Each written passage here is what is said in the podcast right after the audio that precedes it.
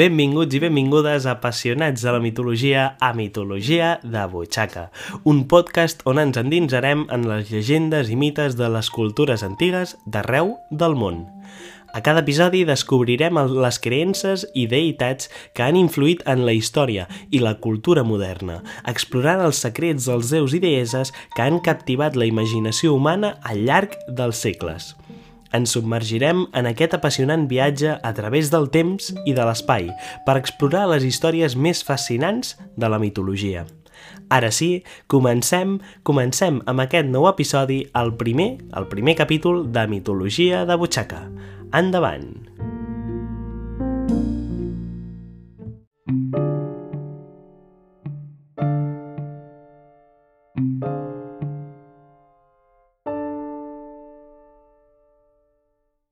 Diuen que la mitologia és el conjunt de relats i llegendes que expliquen les creences i els rituals d'una cultura.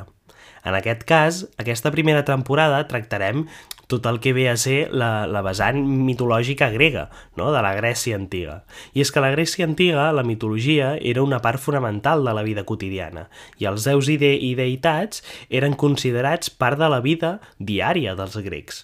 La mitologia grega és famosa per les seves històries sobre els déus i deeses de l'Olimp, com Zeus, Hera, Atena i Posidó, entre molts d'altres, que ja anirem parlant d'ells. A més, la mitologia grega també explica la creació del món i la naturalesa humana. La mitologia grega ha tingut una gran influència en la cultura occidental i encara avui dia podem veure les seves referències en literatura, art, cinema o fins i tot en les nostres vides, en el nostre dia a dia. Segons la mitologia grega, al principi no hi havia res, només un caos primordial, anomenat doncs, caos. no es van currar molt el nom, la veritat. D'aquest caos van sorgir les forces eh, de la natura, les que ara coneixem com terra, cel, mar i aire. Gaia personificava la terra, Urà, el cel, Pons, el mar i Eros, l'amor. Gaia i Urà van tenir els primers déus, els titans, no?, que van governar durant l'edat d'or segons els grecs. No obstant això, Cronos, un dels titans, va enderrocar el seu pare, Urà. De tot això ja en parlarem a altres podcasts, però fem aquesta línia genèrica per entendre què és la mitologia. Com bé deia, um, un dels titans, no, Cronos, va enderrocar el seu pare, Urà, i es va convertir en el nou rei dels, de dels déus. Cronos es va casar amb la seva germana Rea i va tenir diversos fills, incloent doncs, els més famosos, no? Zeus, Poseidó i Hades, els que repartiran el món més endavant. Cronos sabia que un dels seus fills eh, el destronaria, per la qual cosa va decidir devorar-los a tots, menjar-se'ls a tots. Però Rea va aconseguir salvar Zeus, que va créixer per derrotar el seu pare i els altres titans en una gran batalla anomenada Titanomàquia. Ja en parlarem d'això. Després de la victòria dels déus a olímpics, Zeus es va convertir en el nou rei dels Zeus, dels Zeus perdó, i va governar des de la muntanya sagrada de l'Olimp. Aquesta és la manera en què la mitologia grega explica la creació de l'univers i la genealogia dels déus que la van governar aleshores. Aquesta història ha inspirat nombroses obres d'art, literatura i cinema i continua sent una part important de la cultura popular actualment, com bé us he dit abans. La mitologia grega doncs, eh, compta amb molts déus i deeses, cadascun d'ells amb el seu propi paper en la història i la cultura. Ara, us, ara esmentarem uns quants, els principals, però ja veureu que aniran apareixent al llarg de, de tota aquesta primera temporada. Zeus, que n'hem parlat abans, és el rei dels déus i el déu del cel i el llamp. És conegut per la seva força i poder i se'l considera el protector de, de la llei i l'ordre amb el seu llamp. Era esposa de Zeus i la deessa del matrimoni i la família se l'apropa o se la considera amb, amb la corona i un sceptre, un sceptre que sovint eh, s'associa a la maternitat i la fertilitat.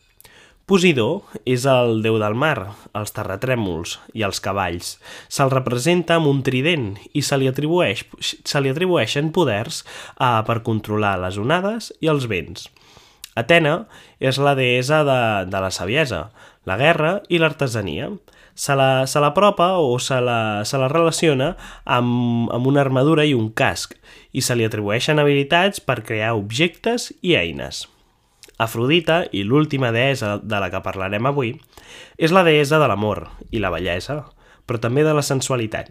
Se li atribueixen poders per enamorar els mortals i els déus i se la representa amb una poma d'or. Cada un d'aquests déus i deeses té les seves pròpies històries i llegendes, que sovint s'utilitzen per ensenyar valors i lliçons morals.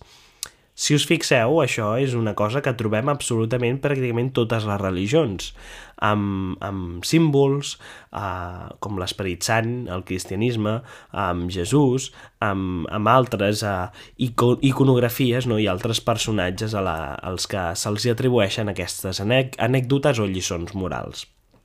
Bé, continuem. La, mitologia grega, com deia, també ha influït en la cultura occidental i, la seva, i, i les seves històries han estat adaptades en, en obres d'art, literatura i cinema. Els mites i llegendes gregues eh, són una part important de la cultura popular i segueixen sent eh, rellevants eh, avui dia i és que la mitologia grega ha tingut una gran influència en aquesta cultura moderna, no? ja que les seves històries i llegendes han estat adaptades en diferents formats. Així mateix, molts eh, noms de personatges, eh, de pel·lícules, novel·les, etc. i llocs fins i tot eh, predominants o importants per la mitologia grega continuen sent avui dia eh, importants per, per aquestes obres, no? per aquest art. I és que un dels exemples és la literatura, on molts escriptors han, han utilitzat la mitologia grega com a font d'inspiració per a les seves obres. Un exemple d'això és la novel·la d'Odissea, d'Homer, que relata aventures de l'heroi grec Ulisses. També hi ha d'altres uh, obres literàries que han inspirat a la mitologia grega, com El món de Sofia, de Jostein Garden, o fins i tot la Ilíada d'Homer i la Metamorfosi uh, d'Ovidi. En qüestions d'art, en l'àmbit de l'art, la mitologia grega també ha estat una font d'inspiració per artistes durant molts segles. Moltes obres, eh, com escultures, pintures i, i, frescos, eh, representen pers personatges i escenes de la mitologia grega.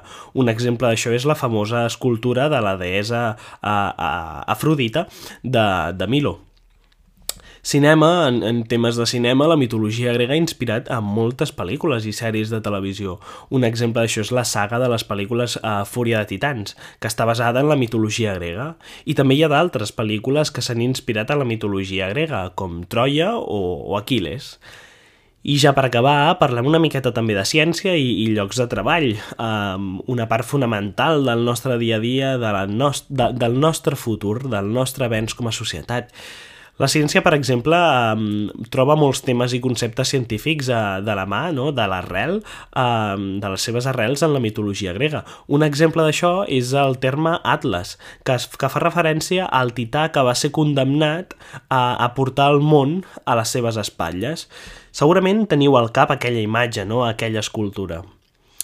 I és que en temes de treball, en llocs de treball, moltes empreses, malgrat no ho sembli, moltes empreses i marques han utilitzat noms de personatges de la mitologia grega com part dels seus noms. Un exemple d'això és la marca de sabates Nike, que, o bueno, per, per, per molts de vosaltres serà Nike, que pren el seu nom de la deessa grega de la victòria. A més a més, els valors i els ensenyaments de la mitologia grega són també rellevants en l'actualitat. No només influencien, sinó que són una part essencial de, del món en què vivim. La importància de la llei i l'ordre, la saviesa, la valentia i la justícia són valors que es troben en moltes històries de la mitologia grega. La història de Prometeu, per exemple, ens ensenya la, la importància de la rebel·lió contra l'autoritat que ens tracta de la justícia, que es tracta de la justícia, mentre que la història de Narcís ens adverteix sobre l'orgull i la vanitat. A més a més, eh, els mites grecs ens mostren que els déus i herois, no? déus, deeses i herois i heroïnes, també tenen defectes i cometen errors, cosa que ens recorda que tots som humans i que també podem cometre errors. També ens ensenyen que la vida és una lluita constant entre el bé i el mal, i que les decisions que prenem eh, poden tenir conseqüències, ja siguin positives però també negatives. En definitiva, la història grega, la, la mitologia grega, ha estat una font d'inspiració i fascinació per a moltes persones al llarg de la vida. i de la història, evidentment. Aquesta rica tradició d'històries i llegendes, així com mites, ha deixat una empremta duradora en la cultura i la història moderna, i la seva influència es pot sentir en molts aspectes de la nostra vida quotidiana, com bé repetit, repetit i repetit al llarg del podcast. Una de les seves uh, formes més evidents en què la mitologia grega ha influït en la cultura moderna és a través, doncs, el que dèiem, no? Literatura i cinema, sobretot. I és que moltes obres, com la coneguda obra de Shakespeare, Romeu i Julieta, es va inspirar en la història dels amants grecs a uh, Piram i Tisbe. Uh, mentre que les pel·lícules, per exemple, de Troia i Hèrcules es basen, doncs, evidentment, en aquestes històries, no? en aquests mites, en aquestes llegendes uh, que ens arriben no? uh, de la mitologia grega. A més a més, eh, malgrat eh, no us sembli, tot i que ho hem parlat en, en, en altres moments d'aquest podcast, eh, la mitologia grega ha influït en la religió i, i la espiritualitat, que ara que no em sortia, eh, d'arreu del món. Uh, la religió romana, sense anar molt lluny, uh, per exemple, es va basar en, la, en gran mesura no? doncs de, uh, de la mitologia grega i molts deus idees grecs uh, van ser adoptats pels romans fins que va arribar el cristianisme com a tal. A més, moltes religions i moviments espirituals moderns han pres prestats conceptes i símbols de la mitologia grega per crear les seves pròpies tradicions. La mitologia grega també eh, ha deixat una marca en el nostre llenguatge i vocabulari. Eh, moltes paraules i conceptes en català no, doncs tenen arrels en la mitologia grega.